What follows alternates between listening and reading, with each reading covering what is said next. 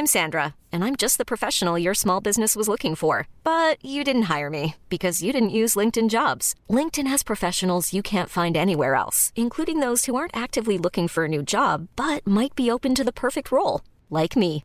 In a given month, over 70% of LinkedIn users don't visit other leading job sites. So if you're not looking on LinkedIn, you'll miss out on great candidates like Sandra. Start hiring professionals like a professional. Post your free job on linkedin.com/achieve today. Even when we're on a budget, we still deserve nice things.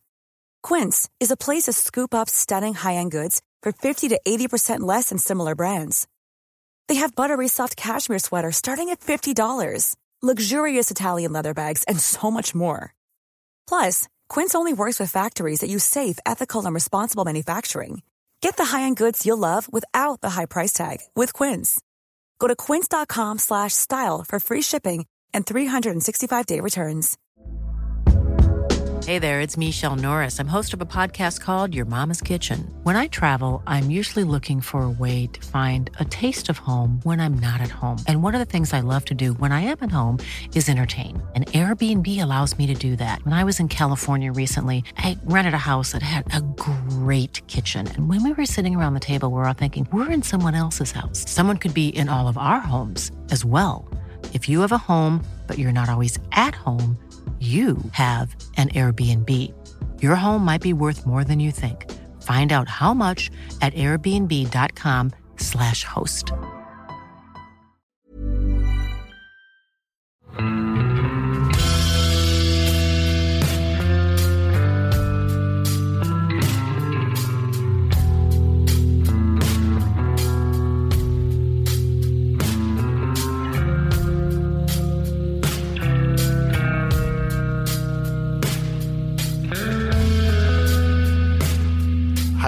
Og velkommen til podkasten Uteliv. Dagens tema er friluftsliv og ekstremsport på ekstremt lavt nivå.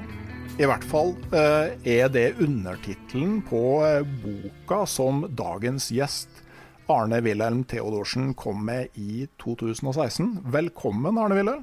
Takk skal du ha. Ja. Du er jo, det må være lov å si at du er en ganske velkjent person i Tromsø. Både i tur- og kulturkretser. Og så har du òg lang fartstid i DNT-systemet, stemmer det? Ja, det er for så vidt riktig. Nei, jeg er jo bygutt, eh, som vi sier her i Tromsø. Jeg jo, jeg har jo vokst opp i Tromsø, bodd her i Tromsø. Jeg kjenner veldig mange i Tromsø. Så har jeg vært aktiv både i, ja, i næringslivet og i forskning og i kulturlivet. Det var jo også en del av jobben da. Og i, eh, i eh, til dels litt i politikk også. Og så har jeg, vært, eh, har jeg lang fartstid i Den norske turistforening. Det vil si jeg var leder i Troms, Troms Turlag i flere år. Og så ble jeg valgt inn i landsstyret i Den norske turistforening, og der tror jeg jeg satt i seks år i landsstyret i Den norske turistforening. Så jeg jobba veldig mye i, i DNT da. Mm.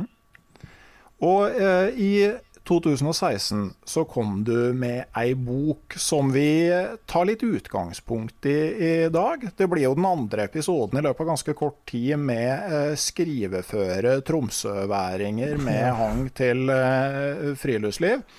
Eh, men eh, kanskje litt ulike typer tekster, da. Men boka di, 'Harske gleder', det er jo et åpenbart nikk til en annen person med fartstid i Tromsø i tittelen? Ja, det er klart. Altså, jeg, jeg skrev ikke bok for å bli sammenligna med, med, med Zapfe. Eh, men jeg syns at den tittelen 'Barske gleder' var så bra. Og så, når jeg begynte å tenke på at jeg skulle lagt noe, så, så ja, det er jo den måten jeg tenker på. Så slo det meg plutselig harske gleder. Jeg begynner jo å bli en litt tilårskommen mann, og har stor glede av friluftslivet. Så derfor så uh, ramla jeg ned på den tittelen, og den gir jo øyeblikkelig en assosiasjon da til Zapfe. Eh, det er jo litt farlig også da, fordi at man kan bli sammenligna med den den store filosof og tenker og skribent eh, eller forfatter som han var. Eh, men jeg tok nå sjansen på det. Og så for å gjøre det mm, Jeg syns det ble litt eh, Ja, litt vanskelig bare Det ble litt vanskelig å forstå det hvis det bare var herskegleder.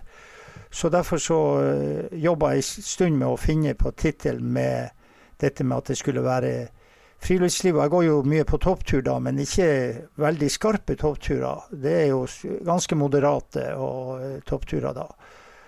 Og derfor så ble det da tittelen uh, 'Friluftsliv og ekstremsport på ekstremt lavt nivå'. Og da liksom skjønne Håpa at folk skulle skjønne hva det dreide seg om. Mm. mm. Og den boka her har du da sjølpublisert, ikke sant? Ja, jeg tok den ut på et sånt forlag som eh, sånn sjølpubliseringsforlag som eh, hvor man eh, kjøper tjenester for å få laga boka. Og så satte jeg sammen boka helt og holdent sjøl, da. skrev tekster, tok bilder, fant billedtekster. skrev mye, redigerte frem og tilbake, så fikk jeg hjelp av dem til å sette boka. Og så å, trykke den og få den inn i de riktige nummereringene og i, i bokdatabase, og fikk få den ut til, ja, til bokhandlere når den tid kom. Eh, så det var jo en fordel. Det, jo, det, er noen ulemper ved å gjøre sånt. altså Jeg har ikke et forlag i ryggen, men fordelen er jo det at jeg eier boka 100 sjøl. Prosjektet eier jeg, og det er bare jeg som bestemmer hva som skal, hvordan dette prosjektet skal kjøres. Og det har vært, eh, det har vært en stor frihet, egentlig. Mm. Uh, men jeg tenker du skriver vel uh, uh, at boka handler mer om hvor turen tok deg, enn om hvor du tok turen. Og man legger merke til at du skriver måte, i veldig sånn, generelle vendinger om hvor du faktisk har vært Altså, hva er, hva er, tanken bak det? Altså ikke, ikke feste ting i særlig grad til en konkret plass? Ja, Det har jo egentlig utgangspunkt i at eh, for lenge siden, da jeg var leder i turlaget, så ble jeg spurt hvor, hvor favoritturen min var. Og da tenkte jeg at jeg har egentlig ingen favorittur, for den den, den turen jeg er på nå, det er favoritturen min. Altså jeg prøver å tenke å være til stede på turen når jeg er der og da. Og derfor så tenkte jeg at jeg skulle skrive en bok om dette her med å oppleve glede i å gå på tur, uansett hvor man måtte gå. For hver plass kan være like fantastisk. Det kan være nesten like fantastisk å bare gå, en, gå på jobb når jeg gikk på jobb. Det er jo et stykke her i boka om at jeg går på jobb også. Altså man har en opplevelse på turen. Og derfor så tenkte jeg at jeg skulle frigjøre meg fra fra dette her, hvor, hvor, det ligger. For det er så mange bøker som er sånn Så gikk vi der og der og der og der, og så så vi det og det og det. Og det kan sikkert være bra nok, men jeg tenkte jeg ville gjøre noe annerledes. Så er det jo en par plasser. eller Det er jo et stykke om et stort fjell i Troms fylke, da, hvor jeg går på, som er navngitt. Og så er det jo et stykke om en, en lengre tur som går gjennom et geografisk beskrevet område.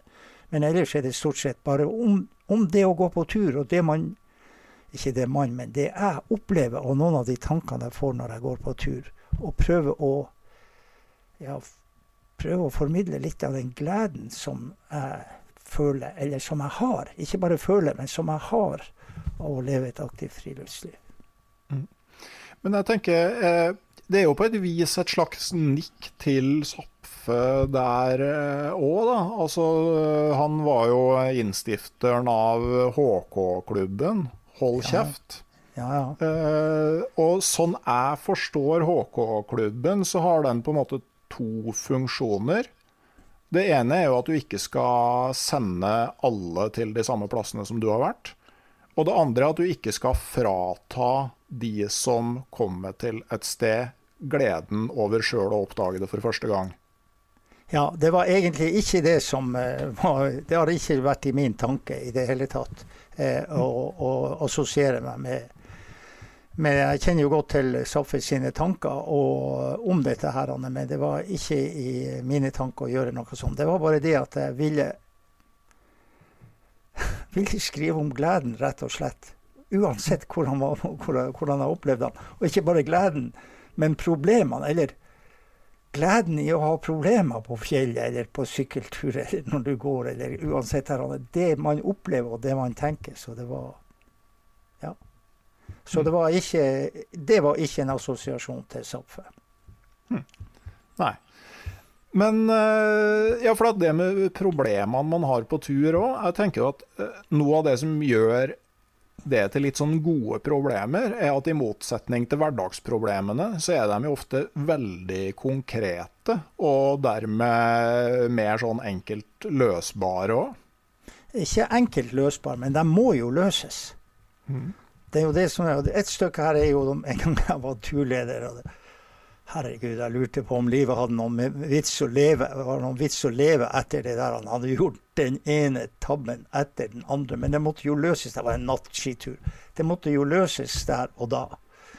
Og, og eh, det klarte vi jo da til slutt. Men det tror jeg også, når vi snakker om det at man må løse ting, eller jeg snakker om at man må løse ting der og da, det har, eh, tror jeg jeg har profitert på også i mitt eh, både ja, yrkesliv og andre sammenhenger at det har lært meg å se på når du må ta beslutninger og ta avgjørelser, og du må stå på de avgjørelsene. På en annen måte enn kanskje man måtte gjøre, men du skal se og utrede ditt og datt og sånn. På et eller annet stadium må du ta den avgjørelsen. Som f.eks. da vi gikk oss ja, gikk oss vill om natta og ikke fant frem til turlagshytta, og vi kom ikke frem før i fire-fem-tida på morgenen. Mm. Folk var slitne, og jeg var turleder. og ja, det var forferdelig. Men vi klarte å løse det. Og, og, og den type problemstillinger blir stilt overfor. Eller om når skibindingen går på fjellet. Mm. Eller eh, hva det skal være. Så må du løse det. Og det er, en, det er erfaring å ta med seg videre også. Og så er det jo eh, alltid greit å vite at eh, jo måtte, mer håpløs situasjonen blir, jo bedre blir historien eh, når det har fått gått litt tid òg. Ja, så, som jeg bruker å si, om det ikke er helt sant, så er det i hvert fall veldig godt løgge. Så man kan mm. legge, legge litt på også. dette her, sånn. Men altså, her er mange historier i denne boka. Og altså, egentlig kan man si at alt er sant, og ingenting er sant. Mm. Fordi at det, er, det, det relaterer seg til begivenheter og ting som har funnet sted. Men samtidig er det ting som jeg har spunnet på det, spunnet opp i hodet mitt. Så når jeg har et stykke om uh, at jeg går på fjellet, og det ikke, vi går på ei turlagshytte, og, og, vi har med oss mat, og det ikke helt går sånn som det skulle gå på turen, så har det skjedd. Men jeg utbroderer og tenker litt mer rundt den situasjonen når jeg skriver det. Mm. Så det er både sant, både sant og usant. Men eh, når du snakker om eh, den eh, da du kaller med mat, og det kanskje ikke gikk helt sånn som planlagt, jeg er jo veldig glad i den historien. Da. Du kunne kanskje lese litt derifra, hva som skjedde? Ja, det er altså Vi går en tur på, på Vi skal en tur på ei turlagshytte i Troms fylke og den heter 'Når sausen gjør susen'. Egentlig er jeg veldig glad i mat. Ikke bare på den måten at jeg antagelig spiser litt for mye. En av mine turkamerater sier at jeg ligner mer og mer på ei tønne. Tynn øverst, tjukk på midten, og så tynn igjen nederst. Men aller mest på den måten at jeg syns mat smaker godt. Det er liksom det beste man kan spise, syns jeg. Jeg er altetende og spiser gjerne kjøttboller, fiskekaker, fruktkompott, fårikål, reinstek, bacalao, avokado, gulrøtter og hønseføtter og halsen av en svane, fersk fisk, vegetarretter, gelé, jordbærsyltetøy, blomkålsuppe osv. Til og med spesialiteter som rutspunger, islandsk rett bestående av syltede værtestikler, smaker mest som viskelær. Surstrømming, smaker som det lukter, og lukter som det gjør et visst sted. Kalamareblekksprut, sugekoppene suger seg fast i kjeften. Honningristede insekter, snakk om å steike i sitt eget fett. Og smalahoved, øyene er spesielt gode. Og lignende retter har jeg spist, og spist det gjerne igjen. Det er bare én sort mat jeg virkelig hatt problemer med. Bakkene er bratt, snøen er djup og svært løs, det er snørtett, og vi, en kameratgjeng på helgetur på ski, sliter oss fremover og oppover mot fjellhytta vi har satt kursen mot. Men det skal bli fint å slite, fint å være ute, fint å gå på ski, fint å være sammen. Det skal bli fint å komme frem. Ta av oss skien, gå inn i hytta, ta en ankomstram, skifte til tørre klær, slappe av, og så gjøre klar til et festmåltid av de sjeldne. Røyka laks på toast til forrett. Reinsdyrfilet med krema potetmos, brokkoli, stekte kantareller og tyttebærsyltetøy til hovedrett. Sjokoladepudding med vaniljesaus til dessert. Oppskåret mango etter det, og til sist kaffe og calvados. Til maten skal det drikkes, drikkes ryggsekktemperert rødvin og iskaldt fjellvann. Det siste trenger vi ikke å ta med oss. Det er ikke rart at ryggsekkene kjennes tyngre og tyngre der vi går, både pga. alt innholdet og pga. snø- og værforholdene. Noen korte øyeblikk er det så jeg angrer på at jeg har tatt så mye med meg, men når jeg tenker på det kommende måltidet, kommer jeg straks på andre tanker. Men nå må vi ta en hvilepause. Vi er fortsatt i skogen, nesten helt oppe på fjellet, og det kan være lurt å ta pause før vi kommer opp på den nakne vidda, hvor vind får atskillig bedre tak. Vi finner en fin og skjerma plass og gjør oss klar til å pause.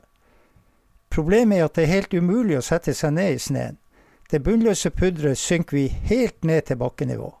Så vi tråkker snøen så hard som vi klarer, tar frem mat og drikke, og så setter vi oss på ryggsekkene som flyter godt på den opptråkka snøflata. Her er det godt å sitte. Vi kunne ikke hatt det bedre i alskens salonger eller kongetroner.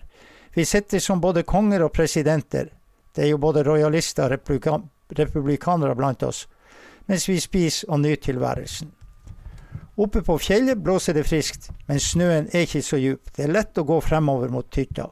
Jeg syns at jeg aner ei litt merkelig lukt, men jeg har vel ikke sluppet noe. Jeg tyr til et kjent turtriks ved oppblåst mage i samla tropp. Jeg legger meg bakerst og slipper meg lenger, gradvis lenger og lenger bak de andre.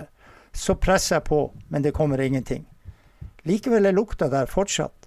Så det er ikke meg, og det er ikke min lukt. Og ikke kan det være noen andres heller. For de er jo 100 meter foran meg, og vinden går på tvers av bevegelsesretninga. Merkelige greier.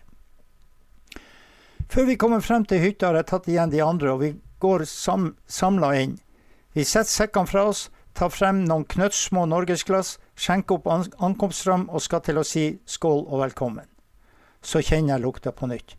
Nå syns jeg at det lukter litt søtt, så fjert er det nå i hvert fall ikke. Og så, idet jeg åpner ryggsekken og ned, skal se ned i det store 75-litersrommet i sekken, ser jeg hva det er som lukter. Øverst i sekken ligger det en halvliterspakke inneholdende vaniljesaus. Eller rettere sagt, den inneholdt vaniljesaus, for nå er pakken flat. Flat som ei vaniljepannekake er pakken. Helt flat. Når jeg tar opp pakken, er den på den nærmeste tom. Det er et par dråper saus akkurat på kanten av pakken. Ellers er alt innholdet borte, klemt ut under vekta av en som kanskje er litt for glad i mat. Where have all the flowers gone? tenker jeg og løfter forsiktig på innholdet i sekken. Da ser jeg hva det er som har skjedd. All vaniljesausen er pressa ut og nedover i ryggsekken. Den dekker nærmest hver en krik og krok i sekken. Posen med tørt ullundertøy, matposen, soveposen, inni den ekstra skihua jeg har med meg, på skismurninga, på toalettpapiret. Overalt er det vaniljesaus. Hvordan kan en halv liter saus fylle et helt 75 liters ryggsekkrom? tenker jeg mens jeg begynner oppryddinga og opptørkinga. De andre i gjengen har jo registrert hva som har skjedd, men de kjenner meg og vet at det klokeste er kanskje ikke å spørre for mye. Så tar en seg en ankomstram til, skifter klær, prater, hviler og slapper av, mens jeg bruker opp et par dasspapirruller man og mange gloser, sterke gloser til å tørke opp. Like før middag er jeg imidlertid sånn noenlunde klar, så jeg deltar med liv og lyst både i middagsforberedelsen og sjølve middagen.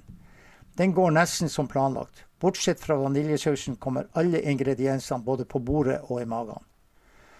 Langt utpå kvelden, når vi skal legge oss, går jeg ut på trappa for å pusse tennene. Det smaker vaniljesaus av tannpussen. Dagen etter lukter det fortsatt av ryggsekken. Vaniljesaus, søt, emmen og kvalmende. Den lukta holder seg i flere år. Hver gang jeg tar frem ryggsekken, kjenner jeg vaniljesauslukta, og hver gang får jeg mindre og mindre lyst på vaniljesaus. Ikke før sekken etter flere års intensbruk er helt nedslitt, revner både her og der, reime og glidelås er ødelagt, og enkelte steder ser sekken mest ut som en myggnetting. Jeg må derfor kassere den gamle sekken. Jeg kjøper meg en ny. Så drar jeg umiddelbart på hyttetur.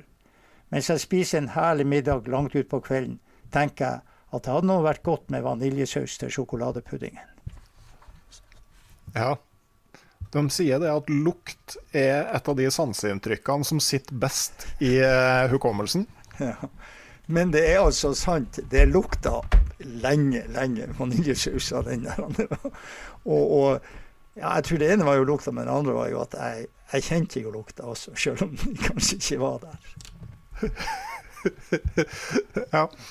ja det, det, er jo noe med den der eh, når du uh, når du plutselig demrer hva det er som egentlig har hendt. Men, men jeg har inntrykk av at det med matstell når dere er på de vinterturene på, på turlagshyttene, det, det, er ikke noe tilfeldigheter? Nei da, det altså vi kan jo, hvis jeg har gått ukestur Jeg har jo gått ukestur flere ganger. altså Brukt åtte dager fra Kilpisjärvi ned til eh, Narvik.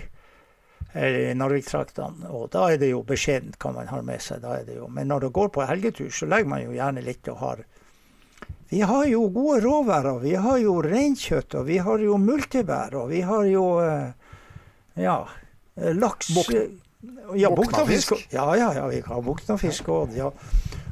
men det verste jeg har vært med på en gang, det var en gang vi satt på jeg tror det var på Gappohytta, jeg og en kompis, og vi hadde spist indrefilet av rein, og vi hadde kosa oss, og det var sånn Ingen kunne klare å få noe bedre. Nei, det her var det beste vi kunne ha på fjellet.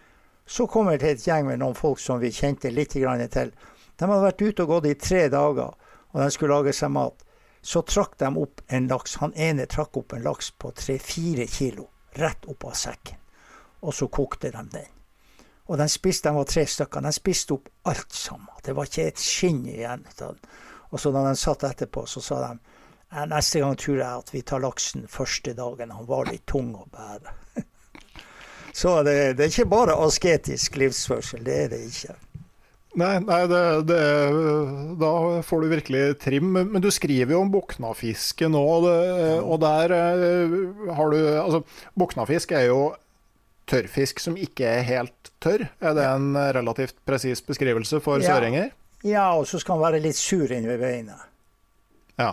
Altså han, han får for eh, Sterk buknafisk skal jo være litt sur. Det heter jo gjelosing, så det er jo litt sånn, sånn surt på smak. Men det er jo veldig, veldig godt altså, for oss som ja, det, det, er virkelig godt. Uh, jeg ser det Du skriver at du skal ha gulrot og potet og stekt flesk sammen med? Ja, stekt bacon. Ja. ja. Uh, jeg syns det er veldig godt å lage gulrotmos med ingefær i sammen. Å oh, ja. ja. det må jeg mhm. prøve. Det må jeg prøve. Men jeg bruker, ja. litt, bruker litt, muskat på gulrøttene. Ja, ok. Og så, legger jeg merke til at altså, du, du, fisker og tørker din egen boknafisk utafor soveromsvinduet, hvis man skal tro boka di? Ja, men det er faktisk sant, det også. Det er faktisk ja. sant, for, men det var sånn med erfaring. For jeg bruker å spørre hvor lenge skal boknafisken henge og tørke?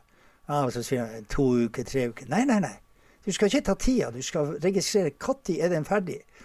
Og da skal det være sånn at Og det var faktisk sånn vi gjorde det en gang. Vi hengte den i takrenna på yttersida av soveromsvinduet. Og så kom det sånn at når vinden bevega fisken, så var det sånn bløte dunk, dunk, dunk, dunk. Så det var bare behagelig å høre. Og så blir jo fisken tørrere og tørrere, og vinden blir sterkere og sterkere. Og så var det en natt han dunka så hardt i, i veggen at jeg måtte krype ut i pysjamasen midt på vinteren og ta ned den fisken, for den dunka så hardt at jeg ikke fikk sove om natta. Og da bruker jeg å si at når den dunker så hardt i veggen at man ikke får sove lenger, da skal man ta den inn og koke den. Hmm. Ja, det, det, er jo eh, vanntett triks, det. Er Altså. Det er umulig å ta feil på det. Ja. Og, det og det er jo litt sånn altså der jeg kommer fra, på Innlandet, så er det jo rakfisken som er liksom eh, Altså det er jo noe helt annet, men likevel noe tilsvarende. Ja, men det lager jeg òg. Ja. Det, det lager og det er jo slående, slående, Ja, du lager det, ja? ja, Og, og, og, det er jo slående der òg hvordan det er veldig sånn omtrentlige instruksjoner. Det eksisterer visstnok et sånn NRK-opptak av en veldig gammel mann fra Valdres som ble spurt om rakfisk. Og det første man spør om, er jo hvor mye salt du skal ha i. Altså, nei, man må ha passelig mye salt. Ja.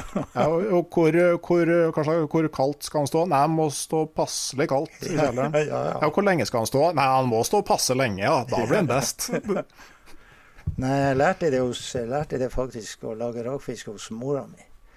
Og det var, det var, den type oppskrift som det var, Man tar ja, ser han, ta og legg litt sånn Det eneste som er ganske sånn helt skarpt beskrevet presist, er rensligheten. Du må være renslig hele veien. Altså når du fisker, så må du ta fisken rett inn i eh, Rett opp i en stamp. Ikke la den ligge noe i båten. Rett opp i en reinstamp. Du må rense den og ikke la den komme i kontakt med jord. Når du legger den i, i bøtta, så må den være helt ren. Du må være ren på fingrene. Knivene må være ren. Alt det der.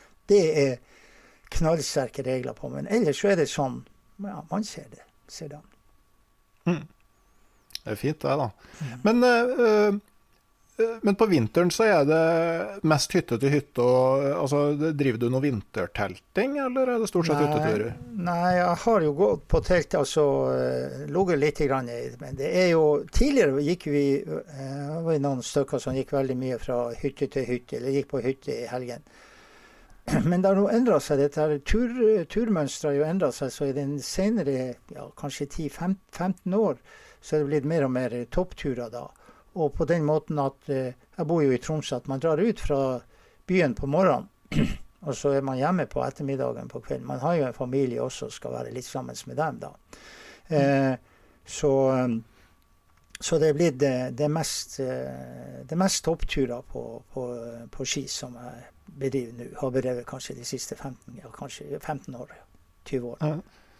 Men sånn når du snakker om hytteturene her, da, før vi forlater dem altså i, i Trom, Når du er, kommer fra Tromsø, så har du Tromsdalstindene, som er relativt nære, kan det stemme? Tromsdalstind. Ja. ja, men jeg tenker det, sånn, Du har et sånn hytteområde? Ja, ja, sånn, du har et hytteområde. Du har en hyttekjede fra Trollvassbu, Nonsbu, Blåkollkoia, Skarvassbu og til Tromsø. Det er en sånn, sånn hyttestrekning. Og der er det jo mange som går. Det er i det bynære området. Så har du også ut på Ringvassøya.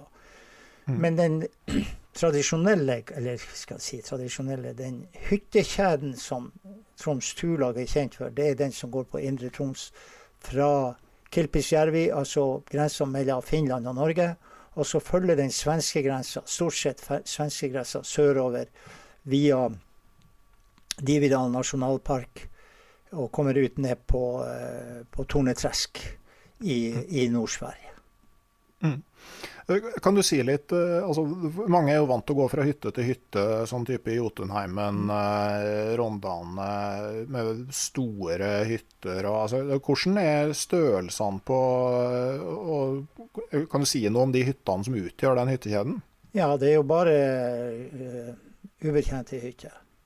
Mm. Så du må ha med deg du må ha med deg det du skal både spise og, og ja, du må ha med spise all, all maten sjøl. Så er det ved og gass på hytten. Så er det vanligvis så er det ca. ti sengeplasser i, i, hver hytte. Ja, Det er enkelt sagt. Og så på de fleste plassene så står det to hytter. Så eh, det ja, det har vært eh, visst å være nok, men i den senere tida har man bygd litt større hytter, bl.a. i uh, ja, da, da, sånn, da Turlag hadde jubileum, og husker jeg jo ikke hvor gammel Turlaget var, men da ble det bygd ei jubileumshytte på, på Rosta. Og det er ei stor hytte. Den er større enn hva de andre. Men det er altså enkelt, enkel standard, ikke noe luksus, men rent og pent og velstelt. Og eh, ved og gass, så man kan lage mat. Mm. Kvistes rutene mellom hyttene i Troms? Nei, egentlig ikke. På noen plasser, noen, eh, noen, bestemte plasser som kan være litt vanskelig, så er, har fjelltjenesten, oppsynstjenesten, eh, brukt oss å sette ut kvisting. Men altså, det har jo vært en diskusjon dette her med kvisting. Og eh, det er jo langt fra folk å hvis man skal sette ut kvisting, så må man være 100% sikker på at kvistinga står der hele tida. Ellers så blir det en sikkerhetsrisiko. Hvis man sier at det er kvister, og så er det ikke kvister på disse områdene som, som kan være litt kritisk, så gjør man galt verre. Så derfor har man vært litt eh, forsiktig med å, å, gå i gang med kvisting. Det er bedre at man vet at, eh, at eh, her må man ta andre forholdsregler for å kunne eh, komme frem. Eh, fordi at det, man har jo ikke ansatte, altså ansatte oppsynsfolk i turlaget på den måten. Alt sammen gjøres jo på dugnad. Det er jo bare på kontoret at det er ansatt folk. Og da er det krevende å dra helt inn på svenskegrensa og sette opp sørge for at stakene står der rett etter en snøstorm, f.eks. Mm. Ja. Nei, jeg bare tenker at det uh, er greit liksom, da, at folk kan danne seg et uh, bilde av hvordan, hvordan, ting er. Men det er ikke farlig. Det, det, er jo gode ruter, og det er jo fine mm. traseer å gå der. Så det er med vanlig kart- og kompasskunnskap, eller, og nå GPS-kunnskap, og, og, på sommeren er det jo sommermerker. da. Det er det jo, for de står jo fast med røde T-er da. Men, så det er ikke noe det er ikke noe problem å gå. Og skulle det bli uvær, så er det masse snø å grave seg ned i. Mm -hmm. jeg, ja, du har prøvd det òg? Ja, ja. Det har jeg gjort. Måtte grave ja. meg ned. Ja, ja. ja. Men eh, du snakka om, eh, om, eh, topptur, ja, for det har jo kommet altså, Jeg har jo lagt inn et lite ønske. Du kan kanskje lese litt fra starten av et litt sånn langt kapittel. Stykket heter 'Sjekkevare verdens vakreste skitur'. Hun stønner høyt rett i hans venstre øre. Svetten driver fra panna, håret er vått, munnen er åpen. Hun beveger seg hele tida, rytmisk og grasiøst over de hvite silkeflatene. Hun hiver etter pusten. Han også, svett, støtende og sliten. Ikke like elegant, mer stakkato, mer støtvis, mer usammenhengende. Begge er på vei mot samme mål. Så presser hun frem noen ord mellom de dype åndedragene. Fy faen hvor bratt det er. Fy faen hvor langt det er. Han skjønner godt hva hun mener. Enig er han også. Da de parkerte bilen på parkeringsplassen i Håndbukta og så oppover fjellsida, kunne de få en følelse av at hele fjellsida kom fallende over dem. Det finnes brattere fjell. Det finnes lengre fjellsider. Men sjelden så bratt, så langt enda mer sjeldent å befinne seg midt i, som nå, oppover en gigantisk stige som strekker seg langt inn i himmelen. Målet er litt lavere enn stjernene. Høyeste punkt i Troms fylke, Jekkevare, 1834 meter over havet. Ikke bare toppen er målet. Hele turen til, fra og over Jekkevare er et mål.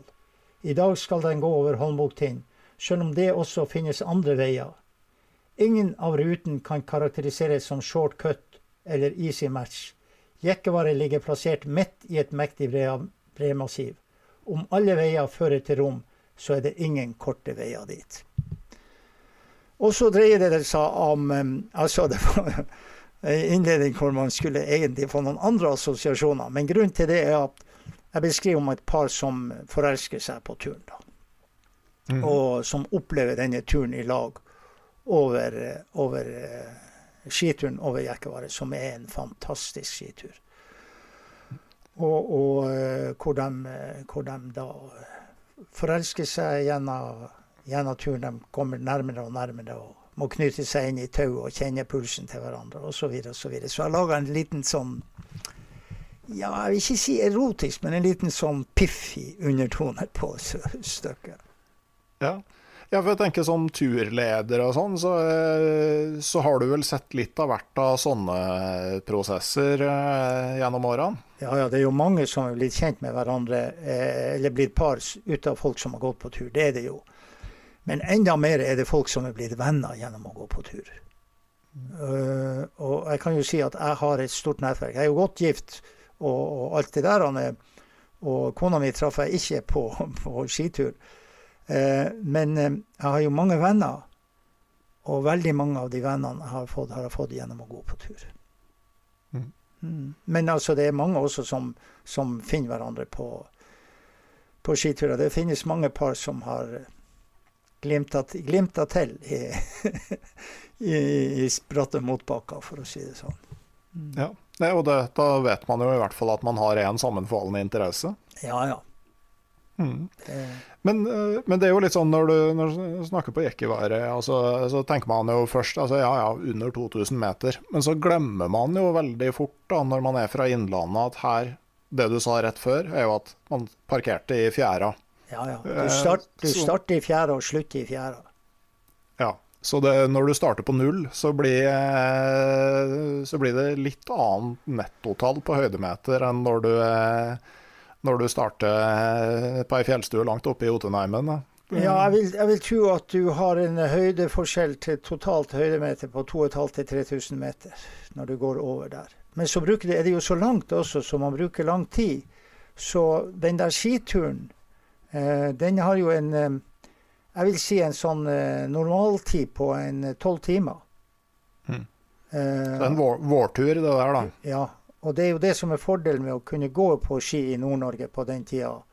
Altså, du trenger ikke å stresse for at det blir mørkt. Det blir ikke mørkt. Så hvis du starter fra Tromsø og kjører eh, klokka syv, halv syv kanskje. Så er det gåing klokka åtte. Og så er du eh, nede ved eh, Når du er kommet ned til fjæra på andre siden, så må du ta, ordne deg drosje eller transport tilbake. Men så er du nede i, kanskje i titida. Starter åtte, og så er nede klokka ti. Så det er en lang tur. Og mm. det er en, eh, det er en uh, tung tur, men det er en fantastisk tur. Mm.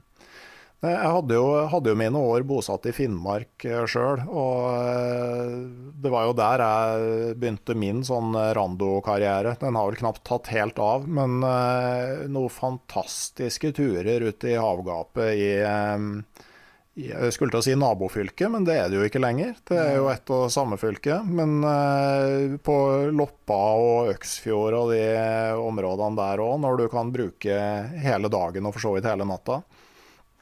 Ja, ja. Det, det, mm. det, er stor, det, er en stor, fordel med disse vårskiturene, og, eller vårfjellturene også, at du trenger jo ikke å stresse ned for å komme at det blir mørkt. Mm. og det, er jo en ja, og syns jeg er en sjarmerende egenskap som naturen gir her. At du kan, kan gå, lyse, eh, gå, på skitur i, i lyse, lyse vårkvelder. Mm. Men samtidig, altså du, du nevnte jo sjøl at du, du, har jo levd et år eller eh, tre. Og eh, da, hvis du går liksom ja, 20-30 år tilbake, så var jo altså det å gå til topps på bratte fjell på ski, det var jo ikke noe som ble gjort i noe særlig grad. Altså Det er jo noe som har kommet sigende den siste tida, det med topptur. Hvordan har du på en måte opplevd den prosessen? Ja, det er helt klart at, eh, at turmønsteret har forandra seg eh, veldig. Veldig. Altså, før eh, en, en påske, i påsketider du kom inn til Tromsø kjørende hvis du har vært på hytta eller sånn, og kjøre, så lå jo fjellsidene der. Men nå er det jo skispor på alle fjellsidene, for å si det sånn. Det er jo mm. folk det er jo veldig mange som går på toppturer. Veldig mye unge mennesker som går på topptur. Veldig mye. Og, og jeg syns det har vært en, en uh, kjempefin Kjempebra utvikling på den måten. Altså Det er klart det fører noe med seg både med utstyrsjag og med sikkerhet og det ene med det andre. Men i det store og det hele så uh, mener jeg at for, topptur, toppturgåing i, i Tromsø-området, det er rett og slett blitt folkesport. Mm. Det er det. Ja, og man man har jo Du kan jo starte på trappa omtrent og uh, gå ja, på tur? Det er jo litt eh, Det er jo ikke for å gå på topptur, ikke på trappa. Eh, ja ja, noen kan kanskje det på, på Kvaløy og sånn, men du bruker en halvtime eller tre kvarter. Så i en radius for en halvtime, tre kvarter, så har du veldig, veldig mange forskjellige muligheter på å gå fra Tromsø. Men så kjører du litt lenger ut, kjører du en time eller kjører du litt over en time, så er det jo enda mer. Da kommer vi jo til Lyngen og til Ulsfjord og, og kanskje til, til, og med til Senja og sånt, så hvor det er masse toppturer. Men det er Og du har rett i det at eh, Jeg husker en gang vi skulle gå på uh, Jekkevare, og da gikk vi, skulle vi gå på fjellski, og så ble det så var det så grått, og det ble gråere og gråere. Vi kjørte kjørte fra Tromsø, så var vi kommet eh, fire-fem mil fra Tromsø, så stoppa vi ut og så i været. Det så ikke ut. Nei, vi snur, vi drar hjem. Og på veien hjem så klarna det opp, og så ble det solskinn. Og da hadde vi jo pakka sekker og ski og alt sånt der. Så vi dro ikke hjem. Vi dro bare tvers gjennom byen og ut på Kvaløya og gikk opp på en um, topp som heter Skittentind. Det var jeg og en kompis. En skikompis. Gikk opp på en topp som heter Skittentind, og der gikk vi helt alene. Uh, jeg tror Og det var, en, det var vel en søndag. Det var ingen andre. Ja, da vi kom ned, på veien ned, helt nede, så kom det tre stykker til gående opp. Jeg tror hvis vi uh, har dratt på den plassen i, uh, i år, så kan det godt hende vi har truffet mellom 50 og 100 mennesker på den toppen. Hm. Så det har var det, ja, når var det det her virkelig liksom eksploderte? Ja, kanskje midt på 90-tallet. Vi er fem, nei, fra 90 og ca. fra 1990-1995, tror jeg, vil jeg tro. Jeg har ikke skrevet det ned. men jeg, noe sånn rundt 1990 pluss minus. Men det gikk jo folk på toppene, men ikke så mye som nå. Og eksplosjonen den kom jo kanskje etter 2000-2005, eller noe sånt. Mm. Men det er veldig mange som går, og jeg syns det Jeg blir i veldig godt humør av å se så masse kjempe masse interessante og hyggelige mennesker, og folk som er gode å gå på ski, og folk som har lyst til å lære seg å gå på ski og kjøre og sånn der. Det er ei sann glede. Mm. Hvor viktig er kjøreturen ned igjen for din del, altså kjøre på ski? Ja, jeg er ikke den beste å kjøre med, jeg er ikke den dårligste heller, så jeg syns det er veldig artig. Blir, jeg blir stiv i beina, for jeg trener så lite i musklene på, på sommeren. Så, de, eh, så, jeg så svak, blir for svak i beina. Mens noen av kompisene mine de kan kjøre en lang, nesten en hel fjellside ned. Så må jeg ta meg pauser. Men jeg kjører nå Jeg kjører nå på min måte. Jeg har aldri lært meg å kjøre mm, randoteknikk eller telemarkteknikk, men i mine barndom og ungdomsår så drev jeg som ski, eh, aktiv skihopper. I, ikke på veldig høyt nivå, men jeg var, likte å hoppe. Og det var det å sette telemarknedslag og ta sving. Og gjennom det så har jeg vel lært meg, tilegna meg en viss teknikk. Men, eh, men jeg, jeg kjører noe. Og det er veldig artig. Det er fantastisk artig. Noe av det artigste man kan gjøre, det er å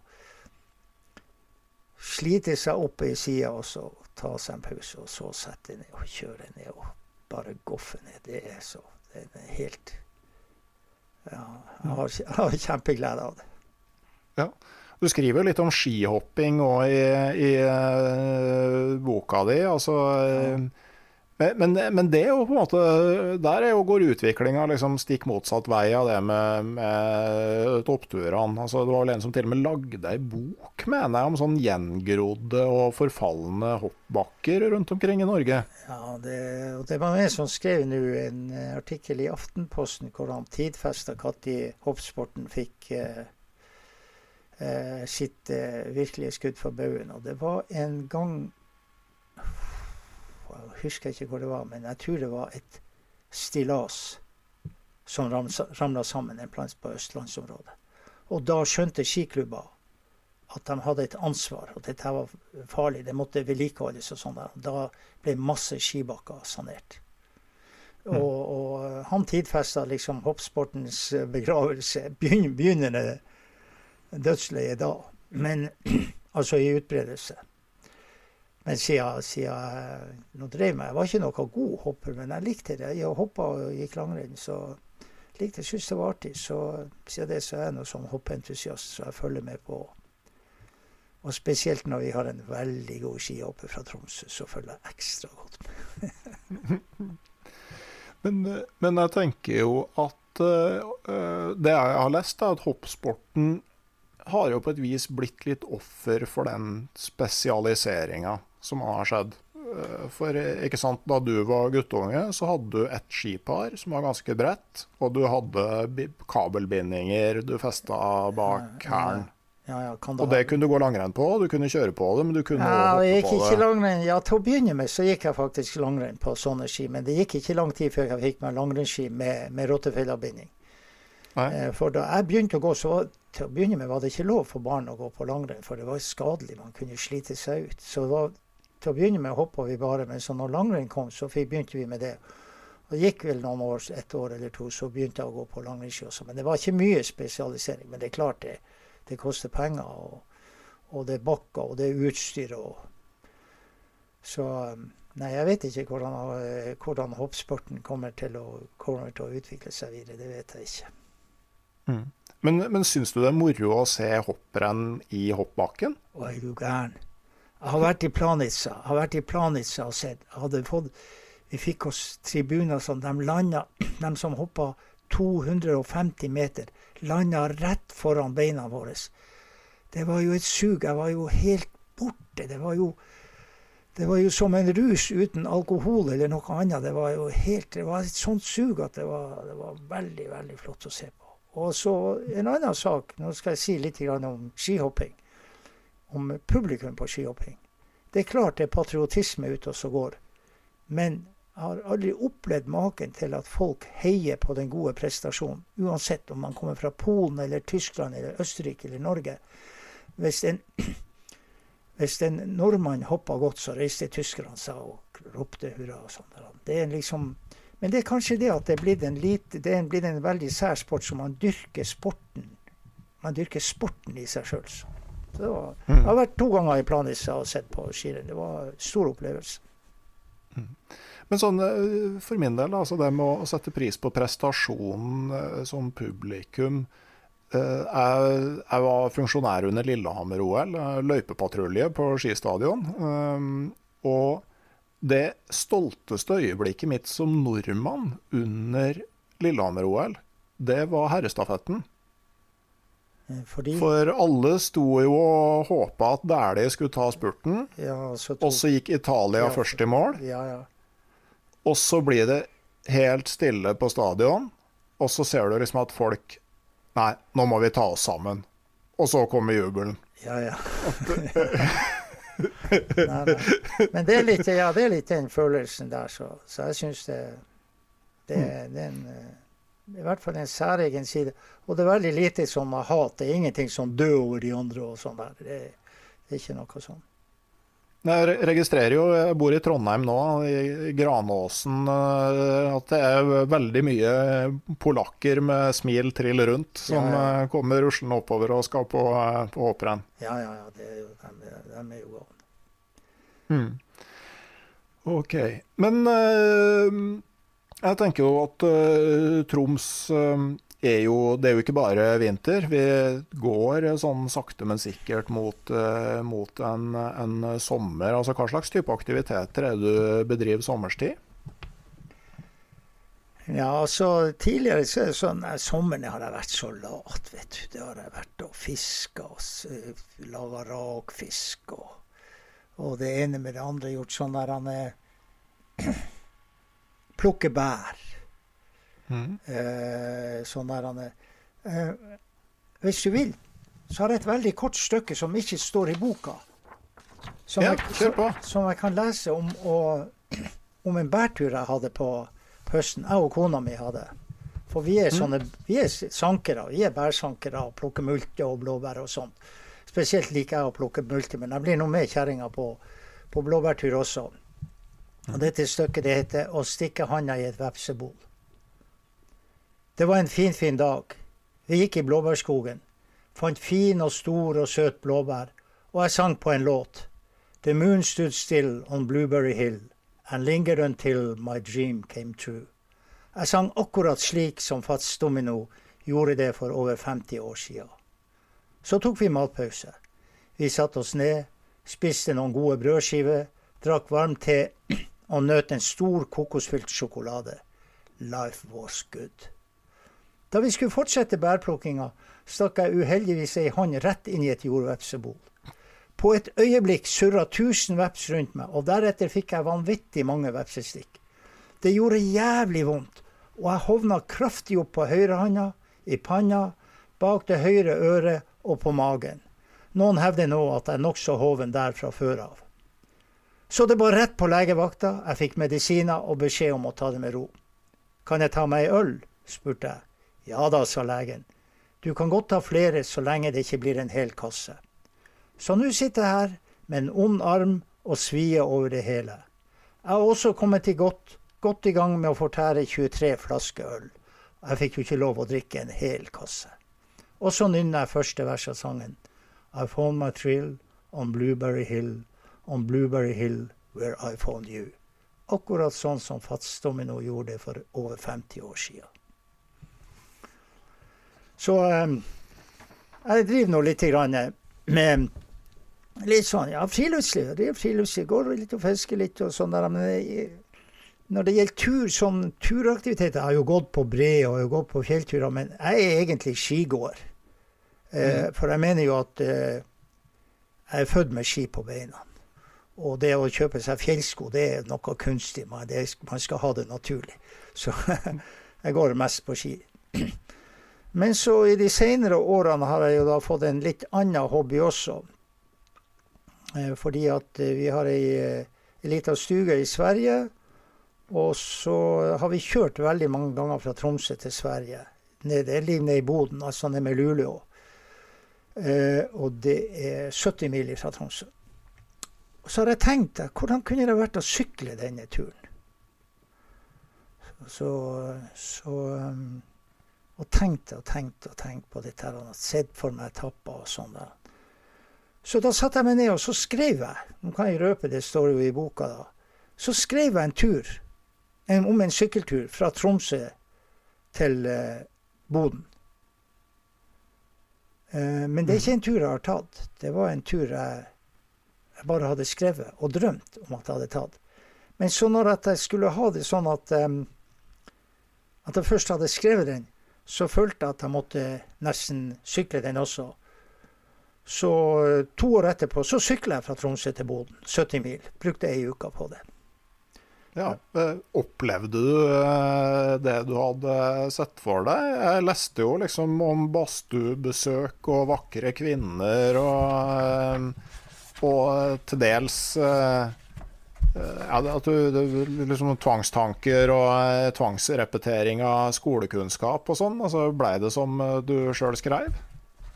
Nei, altså det var jo Der, var det, der var det, kom kanskje fantasien mer, til sin rett.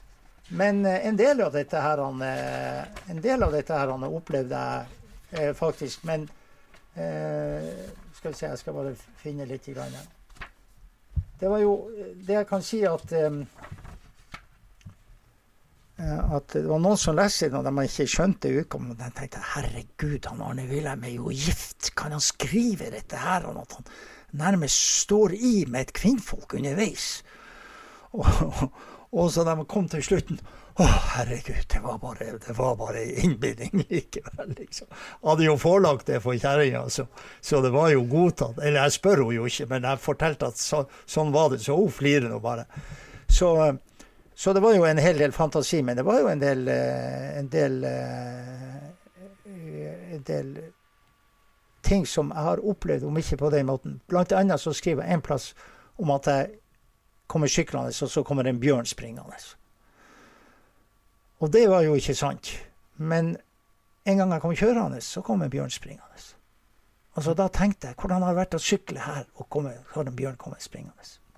Men hvis du vil, så kan jeg lese et stykke Altså nå i denne uka så er, arrangeres eh, feires kvenfolkets dag. Ja. Og vi er veldig mange i eh, Nord-Norge. Uh, og antageligvis jeg også, selv om jeg ikke har undersøkt det, men uh, det har ganske sterke indikasjoner på at vi stammer ifra noen folk som kom fra Tornedalen. Som flykta fra under hungersnøden der. Veldig mange som Så Så har jeg skrevet et stykke ifra um, ja, du kan jo høre. Det heter konsolidering Det er fra den der sykkelturen, den tenkte sykkelturen som jeg tok etterpå. Og Det heter konsolideringsetappe dag seks. On the road again. Og det skal si at det er flere kapittel, ett kapittel for hver dag ca. Og hver, eh, hvert kapittel har en sånn musikk, musikklåttittel. Like før jeg kommer til Vitangi, sykler jeg over brua som går til Torneelva.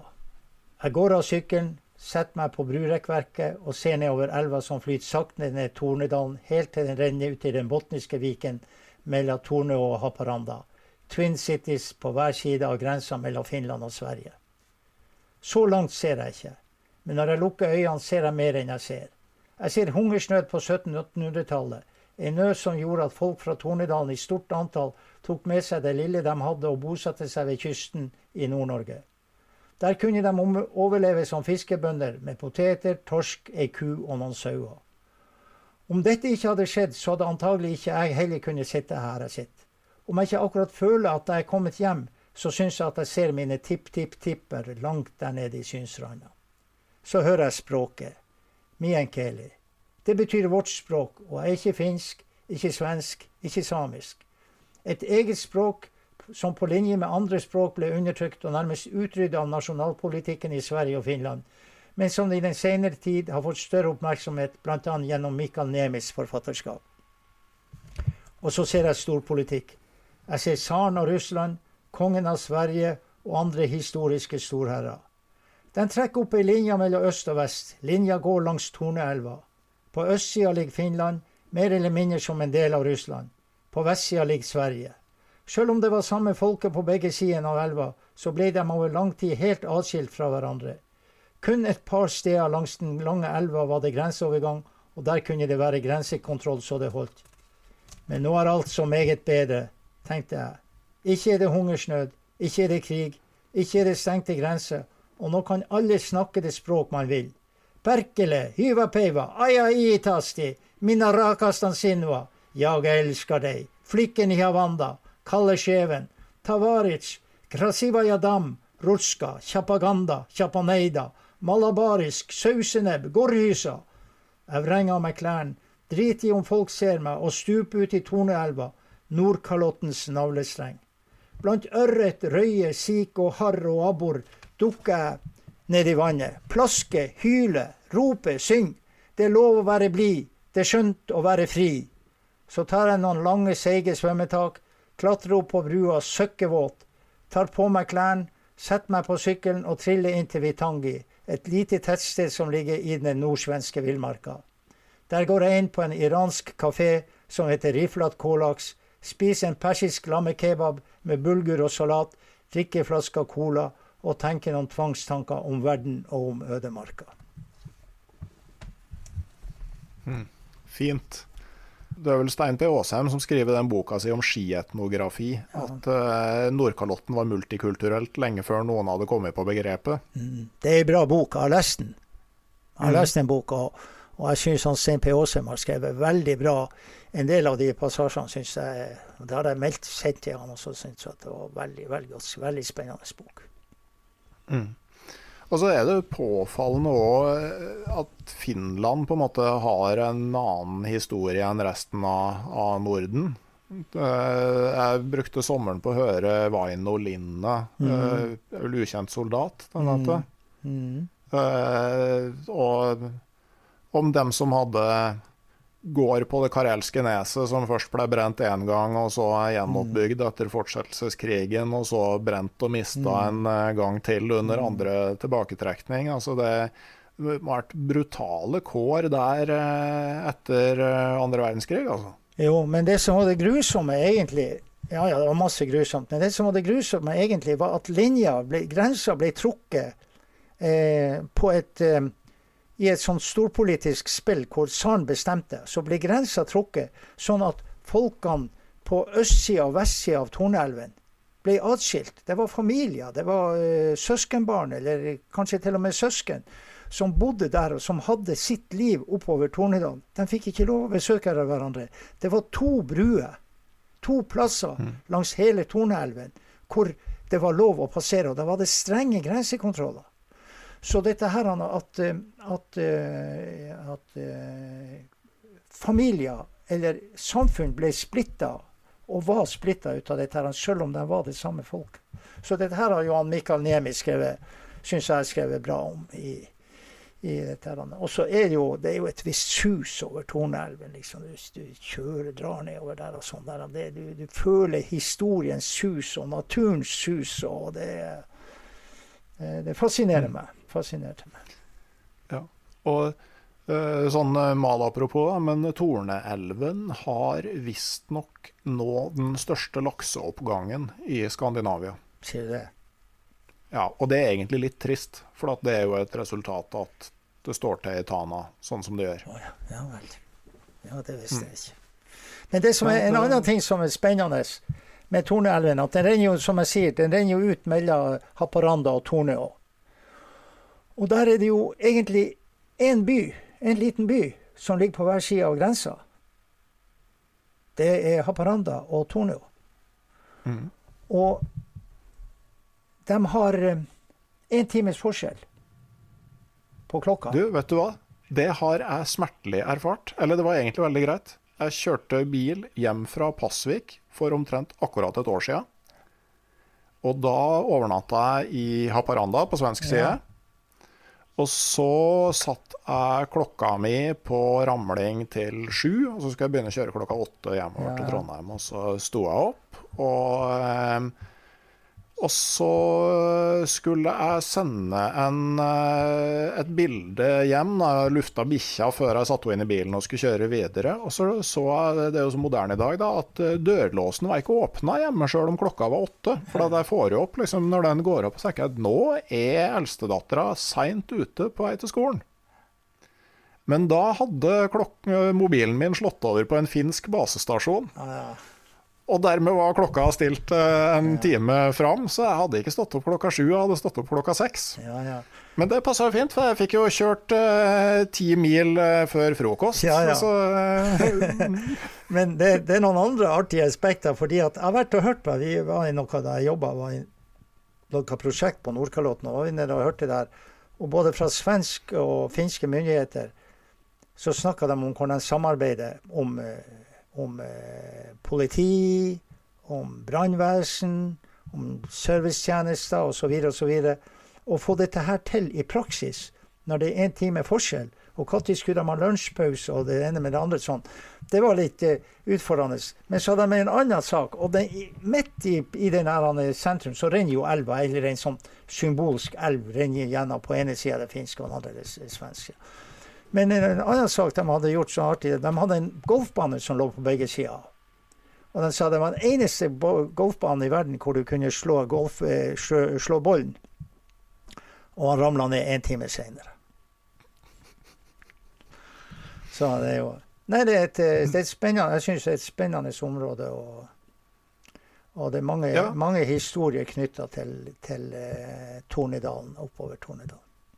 Ja, og, og, videre innover i Finland òg er jo egentlig et sånn turområde som nordmenn i veldig liten grad har utforska. Men når du, når du, fortsetter der, ikke sant, og så kommer du opp til Enare Og jeg kjørte litt for slavisk på GPS på vei til Pasvik og havna på nordsida. Uh, det kom liksom en, en uh, ikke hovedveien inn til Enare. Uh, inn liksom fra Kjørte litt for langt oppover Tornelven før jeg tok over. Og du verden for noen ødemarksområder du kjører gjennom der. Det, der kan du virkelig dra på loffen i ukevis. Vi møtte en uh, inne i Pasvik møtte en uh, østerriker, gift med ei finsk dame, godt voksen kar, som uh, var på to måneders skitur fra langt ned i Finland og skulle gå til Neiden. Kona var med på andre halvparten. Da. Så så det er jo noe å tenke på. Altså Finland som turområde eh, må jo være sterkt undervurdert. Da. Men en annen sak er at når vi går tilbake, hvis jeg går tilbake litt i dette med tid som å gå på, på tur i Indre Troms på vinteren, så var det mange finlendere som gikk på, brukte spesielt den nordlige delen av hyttekjeden til Troms Turlag. Eh, mange finske skiløpere og skigåere som kom. Og da kom det også igjen dette med klokka. For det, for det første så hadde de som vane å stå tidlig opp og tidlig, legge, seg, legge, seg, tidlig inn på hytten. Men i tillegg så begynte de, hadde de jo en, var de en time tidligere. Så veldig ofte vi lå på hytta, og så spiste de jo stekt snurring til frokost. Så mange ganger vi lå på, på hytten der, og vi hadde finnere på hytta, så ble vi jo vekket i halv seks-tida av at de sto og stekte snurring til frokost. Men det var mye finlendere på, på, på de langs de hyttene der, som, som, bruker de hyttene også.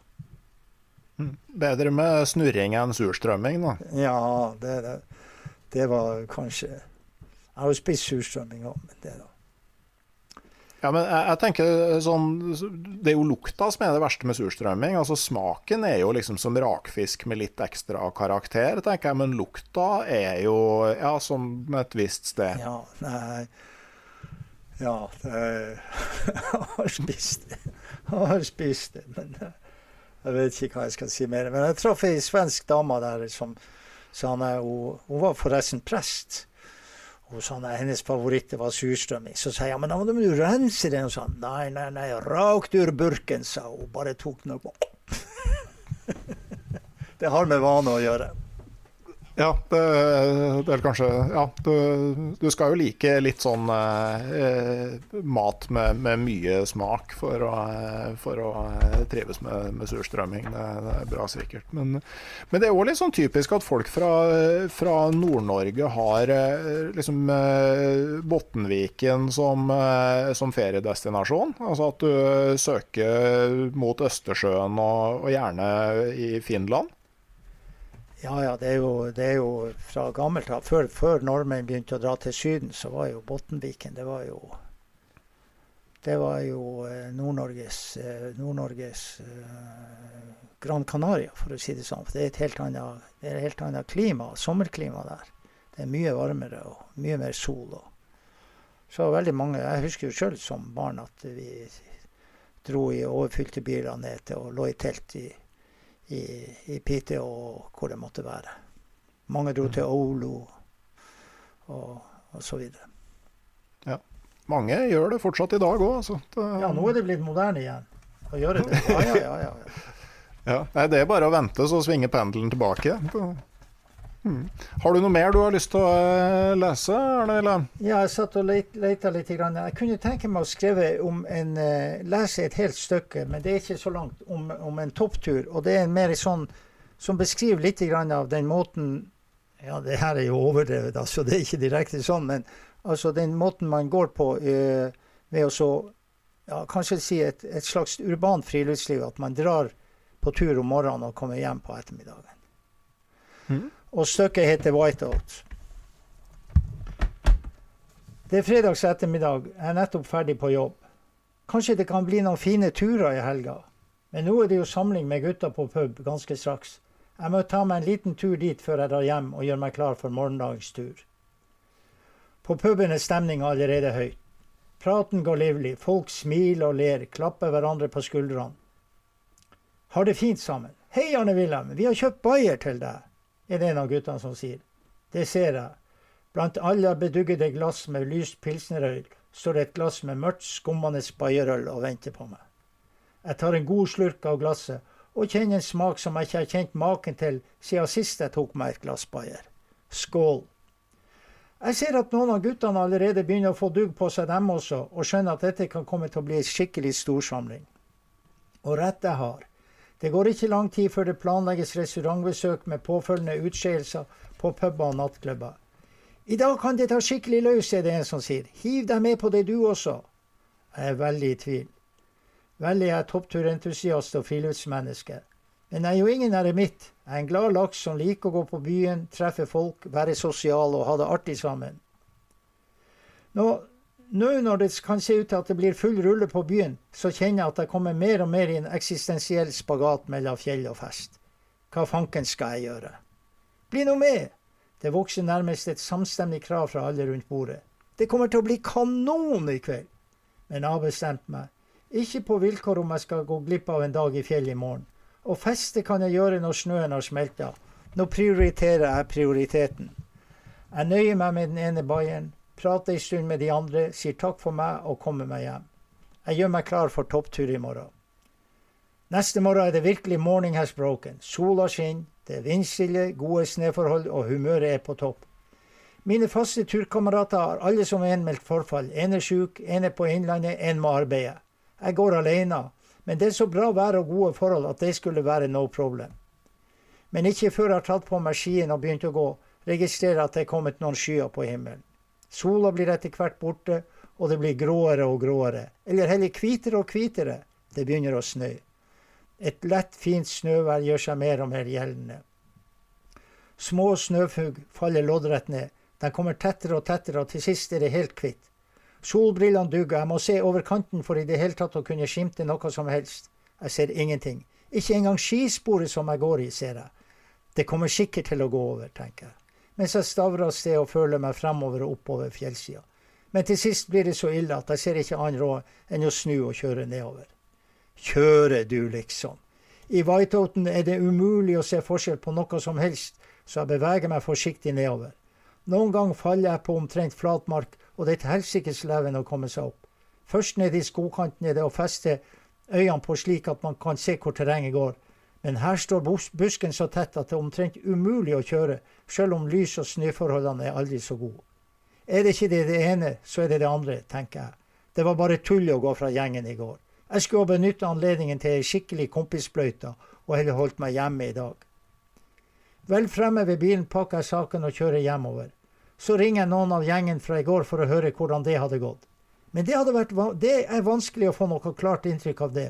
Bortsett fra at restaurantregninga hadde vært kjempehøy, at noen av gjengen ble nekta adgang på puben etter restauranten, at noen av dem kom, som kom seg inn, ble nekta servering etter en kort stund, og at de ikke husker hvilke andre personer de traff, og at det hele oppløste seg nokså naturlig av seg sjøl. Dessuten var alle nokså usikre og uenige om sjølve hendelsesforløpet. Hm, tenker jeg. Kanskje ikke så dumt at jeg gjorde som jeg gjorde likevel. Det er jo alltid fint å være på fjellet. Og dessuten, det er bedre med whiteout på fjellet eller blackout. Og da kan jeg si, kan jeg si også at i boka her, har brukt, bare for å si litt om boka, så har jeg brukt veldig mye tid på å finne illustrasjoner som ikke akkurat viser turen, men som gir en assosiasjon til stykket. Og med undertekster. Så det er dette stykket så har jeg to bilder. Jeg har et helt hvitt bilde hvor det står 'whiteout', og et helt svart bilde hvor det står 'blackout'.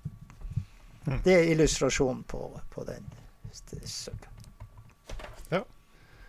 Og det kan jo være noe å, å ta med seg når man skal gjøre noe vanskelig valg inn mot påskehelga og sånn. At, uh, husk på at det er bedre med whiteout på fjellet enn en uh, blackout på byen. Ja, men nå er det noen nedstengninger, ikke så mange som får gå på byen og få seg blackout.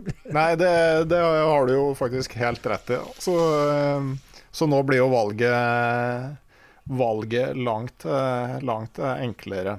Dessverre, da. Eh, har du noe eh, altså, Er det mulig å få tak i boka di fortsatt, eh, Arne Øylarm, eller er den utsolgt? Ja, altså, jeg trykte opp 1000 bøker, og jeg har arbeidet ganske mye med å få solgt dem. Jeg har reist rundt, jeg har vært i Oslo, jeg har vært i Bergen, jeg har vært i store deler av Nord-Norge og rundt og lest og hatt et sånt lite standup-show hvor jeg synger litt grann, og prater om boka og sånn. Og så selger bøker. Så jeg har solgt øh, jeg har solgt over 900 bøker. Og så har jeg gitt bort ja, kanskje til sånn promo og til venner og dårlige venner og dårlige turkamerater. Har jeg gitt bort kanskje bortimot 100 bøker. Så jeg har tre bøker igjen. Oi. Ja. Og dem eh, så er det noen som sier men da må du jo trykke opp andre opplag. Så sier jeg nei, jeg har noe andre ting å gjøre enn å trykke opp gammelt, gammelt stoff. Så jeg, jeg tror jeg lar det bli med det. Så den boka, mm. den, jeg tatt vare på de par bøkene jeg har igjen. altså. Ja. Jeg har en uh, signert utgave liggende ved sida av ja, ja. PC-en her. Altså, nå skal jeg plassere den i hylla sammen med de andre godbitene. Så, ja.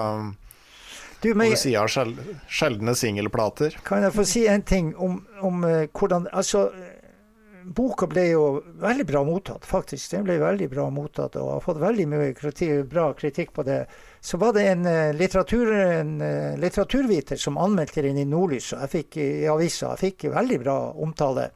Men han brukte nå den der kritikken eh, sånn som kritikere vanligvis gjør. altså Han fant frem noen svakheter, pirka i noen svakheter og sånne der ting. Øh, så det var det. Jeg var jo veldig fornøyd med eller veldig, ja, veldig fornøyd med omtalen. Men det var noe liksom sånn han skulle ta Han tok noe utgangspunkt i noen ja, som jeg er enig var svakheter av boka, istedenfor å fremheve noen som var styrka. Så var jeg på en annen arrangement hvor det skulle gis ut ei vinterturbok for Tromsø. og Så jeg, hadde jeg skrevet forordet, og så skulle jeg lese en tekst der. Så kom ei ung jente til meg, og så, så hun ville hilse og sånn der. Så sa jeg ja, hvem jeg var. Ja, jeg vet godt hvem du er. Ja, hvordan vet du det? Jeg har lest boka di. Å ja, sa jeg. Jeg har gjort mer enn det, sa hun. ja, hva da? Nei, jeg skrev særoppgave om den på gymnaset. Oi, sa jeg. Gjorde du det? Jeg ble jo, jeg ble jo litt paff. Ja, men jeg, jeg skrev ikke om deg. Jeg skrev jo en sammenligning av deg og Petter Wessel Zapfe. Barske gleder og harske gleder. Å, herregud, tenkte jeg. Så jeg sa, og da kom jeg vel dårlig ut? Nei, slettes ikke, sa Ja, hvordan mener du, hva du mener med det? Nei, jeg syns boka di var bra, og liksom Ja, hvordan gikk den særoppgaven? Ja, jeg fikk seks på den, sa Og jeg ble jo helt svett. Kaldsvett. Tenkte Så gikk jeg hjem og så jeg, jeg, fant jeg ut hvem hun var, og så tok jeg kontakt med henne og spurte om jeg kunne få se den anmeldelsen. Og da leste jeg den anmeldelsen. Og hun klarte, hun gymnasjenta klarte å finne det som han litteraturanmelderen ikke fant i boka. Og den var godt begrunna, så hun bare ikke syntes det. Hun sa det som prega både Saffe sin harske glede, nei, barske gleder og min harske glede, det var gleden i turlivet. Altså Hun oppsummerte begge bøkene som å, å formidle glede ved å gå på tur. Og hun sa det faktisk bedre enn hva jeg skjønner. Jeg bare tenkte at jeg har glede av det, men hun sa at budskapet var gleden. Så det var veldig artig å høre. Mm. Det, fra ei ung, fra ei ung turjente, turinteressert jente. Det var, det var den, den, beste kritikken jeg kunne ha fått på boka. Mm. Og det er jo, må innrømme, det, det er jo alltid litt sånn snodig når du hvert fall jeg opplever sånn øh, når du har gitt ut bøker, når du faktisk møter fysiske personer av kjøtt og blod som sier de har lest det. Det, det blir jeg alltid like overraska over. Ja, ja. At, at, det faktisk er noen ekte personer ja, som liksom har lest det her. Det, ja, det er sant. Ja, det, ja, det er helt sant. Men øh, jeg mener å huske at du, du hadde en veldig sånn bevisst prissetting av den øh, boka her. Ja, det diskuterte jo med dette sjølpubliseringsforlaget, og så var det jo vanlig å legge det på 300 kroner. Men vi legger, bruker å legge det litt under, sånn 290. Ja ja, så da legger vi på det. Nei, forresten, fanken om vi skal ha. Boka skal koste 301 kroner. Og da kom det jo på dette her som snakk om at jeg eide prosjektet sjøl, så det var jo jeg som bestemte. Boka skal koste 301 kroner. Og jeg kan gjerne gå ut med en sånn kampanje. Nå kroner 301 før kroner 299. Og Poenget med det var for det første å gi et sånn spark i baken til alle disse eh, før- og nå-priser og tilbud rett under det der. Så det var den ene sida. Og den andre sida var det at hvis onkel eller tante ga ei bok i julegave Jeg ga den jo ut, denne boka, rett før jul. Hvis de ga ei bok i, eh, til, til nevø eller niese i julegave, så skulle de si, kunne de si bok, de ga oss en gave til over 300 kroner. Og hvis den hadde vært på 290, så ville han sagt æsj, de bare ga oss en gave til 200 kroner. Så jeg tenkte Og det er liksom det, det har hele tida, i alt det jeg skriver og gjør og sånn, har jeg prøvd å finne en annen inngang, altså, altså et uh, alternativ ståsted. Og se, snu perspektivet og se, se, saken fra en litt annen side. Så det er både spøk og alvor i, i de betraktningene jeg gjør det. Så jeg mener at prissetninga det, det gir litt uttrykk altså hvordan jeg vanligvis tenker på, så prøver jeg å se ting på en litt annen måte. Mm. Har du planer om noen flere bøker, da? Egentlig ikke. Jeg har jo jeg gjør, nå, nå, lever jeg på en litt annen måte. Nå lager jeg korte episler som jeg legger ut på Facebook med bilder, hvor jeg gjerne har en dialog med meg sjøl. Prate. Og da, mm. da er det, det, er mye turrelatert, men det er også andre ting hvor jeg også der prøver å se ting fra ja, i et slags annet perspektiv, og så snu, snu perspektivet litt. Grann. Så jeg kommuniserer godt på den måten. Og, for jeg har behov for å kommunisere sånn. Og så prater jeg med folk. Men jeg, jeg har jo tekster liggende, så det kan hende jeg kommer til å samle det og gi ut til ei, ei bok med Men da blir det mer kortere historier med litt annet format. Og så bruker jeg fortsatt mye tid på Når jeg går ute, så har jeg med meg, som regel med meg et kamera, og så tar jeg et bilde og så finner jeg en, en bildetekst som ikke sier altså Hvis du ser et fjell, så ikke sier at 'se hvor fint dette fjellet er', men kommer noe som gir en assosiasjon til det bildet jeg har. Så jeg bruker mye tid på å tenke sammenhengen mellom bilde og bildetekst. Mm. Men det er nå bare for å ha noe å gjøre. Jeg er jo pensjonist, så noe må jeg gjøre. Mm. Ja, og det, det, er jo noe som gir turlivet en ekstra dimensjon òg, hvis du har noen sånne småprosjekter å knytte til det? Ja visst. Ja visst. Mm.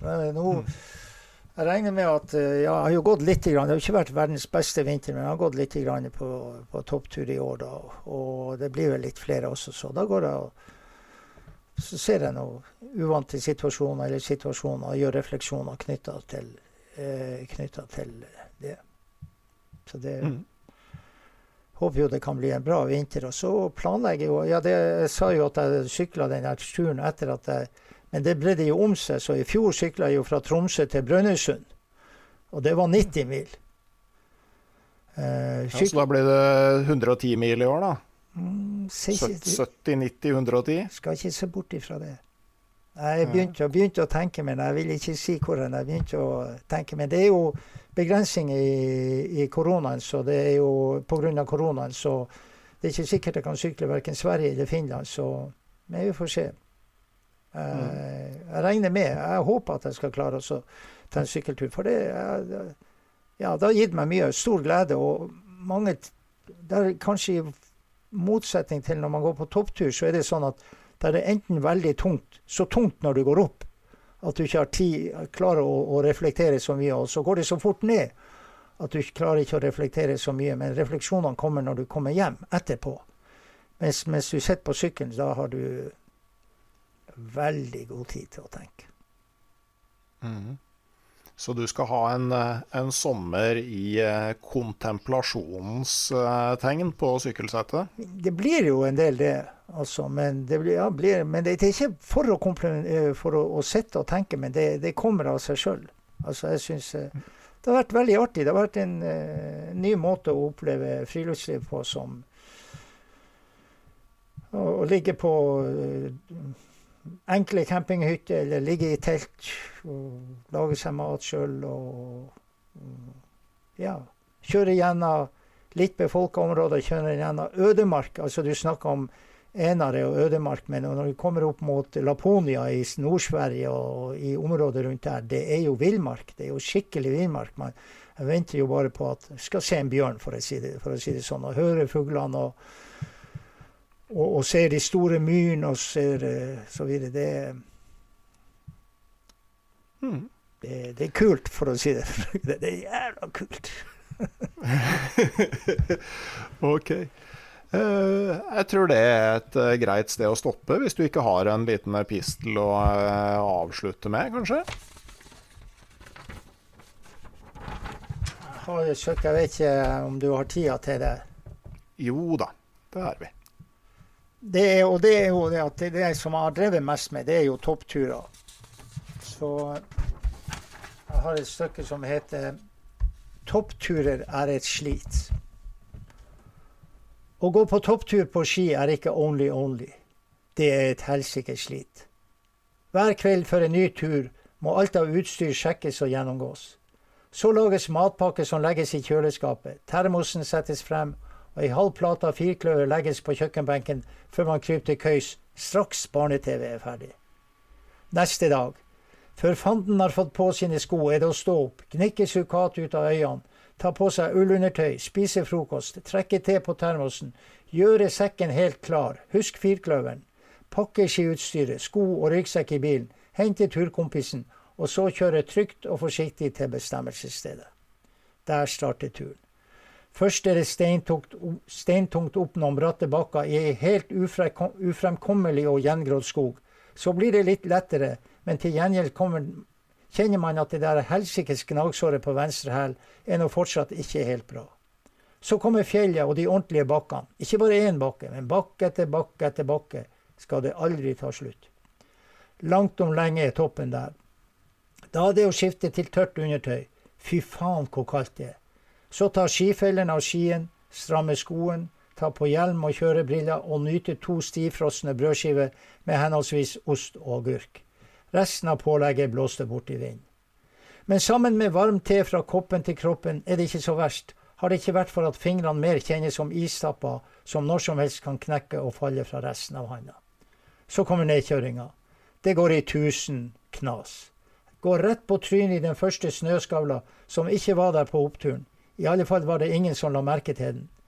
Nedkjøringa fortsetter, og nå er det skikkelig artig hadde det ikke vært for at lårene fylles med så mye melkesyre at det kanskje hadde vært riktigere å være på meieriet enn på fjellet. Hvor ble det av alle de lange bakkene nå, da? Ikke før man erstatta nedkjøringa, så er det over. Skogkanten står plutselig der som en vegg, og for å komme videre gjennom skogen må man være en kombinasjon av slangemenneske og stankelbein. Hvis kjøring nedover fjellsida kan karakteriseres som fartsdisiplin, er løypa gjennom skogen mer som mikroslalåm å regne. Men man kommer seg ned etter flere ublide møter med det som kunne vært god peisved, dersom folk hadde gidda å fyre mer med ved. Vel nede pakker ski og sekk og staver i bilen før man sakte og forsiktig kjører hjem. Det er fint å ha bilratt å holde i, for da faller man ikke sammen hver gang man glipper med øynene. Vel hjemme, plasseres sko og klær i tørkeskapet, det lukter buktafisk og passer godt til dagens middagsrett. Så er det dusj, en kopp varm te, middag, der kom Buknafisken, og Dagsrevyen uten at man fikk med seg hva nyhetene av i dag egentlig var. Deretter er det samme prosedyre på nytt. Må sjekke utstyret, lage matpakke, gå tidlig til køys, stå grytidlig opp neste dag, og så hele opplegget nok en gang. Det er et helsikes slit. Både tungt, vanskelig, krevende hele tida. Og alt dette, helg etter helg. Bare på grunn av et håp om å kanskje å treffe og imponere tre svenske kvinnelige sykepleiere som vi traff på en skitur her i området for noen år siden. Men de har jo ikke vært å se siden. Kanskje er de reist hjem til Sverige. Tusen takk for at du eh, ville stille opp, Arne Wilhelm Theodorsen. Takk, eh, takk for praten. Var koselig å prate med deg. Ja, Absolutt. og eh, da, hvis man vil lese 'Harske gleder', så er jo eh, biblioteket uh, antikvariat.no kan man prøve. Og siste mulighet er å vente kanskje rundt 30 år, så dukker den opp i Nasjonalbiblioteket for strømming. Skal ikke se bort fra det. Nei da. jeg tror nok de som har ville hatt boka, vil Men uh, ja, man skal aldri si aldri. Det kan jo komme noe mer. Man vet jo aldri. Ja. Og så går det jo an å eh, finne deg på Facebook for å få indre samtaler om eh, hoppsportens eh, fortreffelighet, med bilde av deg i fullt hopputstyr fra 70-tallet eh, foran skjermen. Ja, ja, jeg har, jeg har både skigenser og faderen sine gamle hikori-ski. Så det, det blir bra. Uh, som sagt, tusen takk for at du stilte opp. Uh, nå er det én episode til av podkasten Uteliv før uh, vi tar en liten påskeferie. sånn at jeg kan fortsatt den gangen her si at det kommer en ny episode om ei uke. Og i mellomtida så går det jo an å nyte vinterværet, enten man er i Tromsø eller et annet sted i landet. Det blir, det blir ikke noe valg mellom blackout på byen og eh, whiteout eh, på tur, for eh, nå er det ute at håpet ligger i tida framover.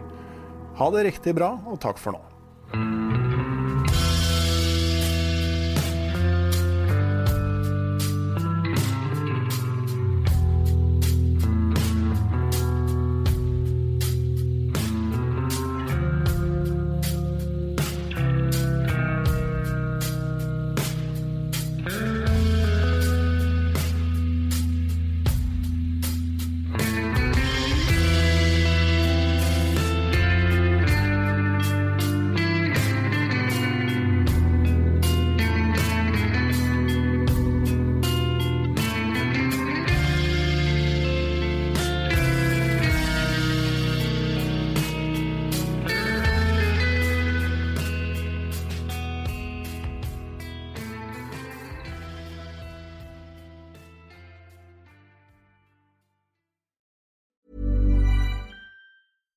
Catch yourself eating the same flavorless dinner three days in a row?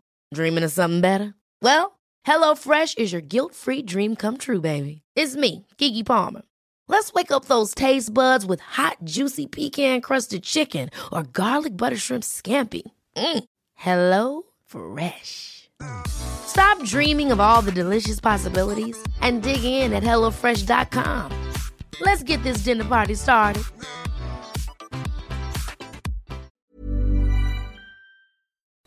Hei, jeg heter Nore Helligsen og er daglig leder i Barents Outdoor.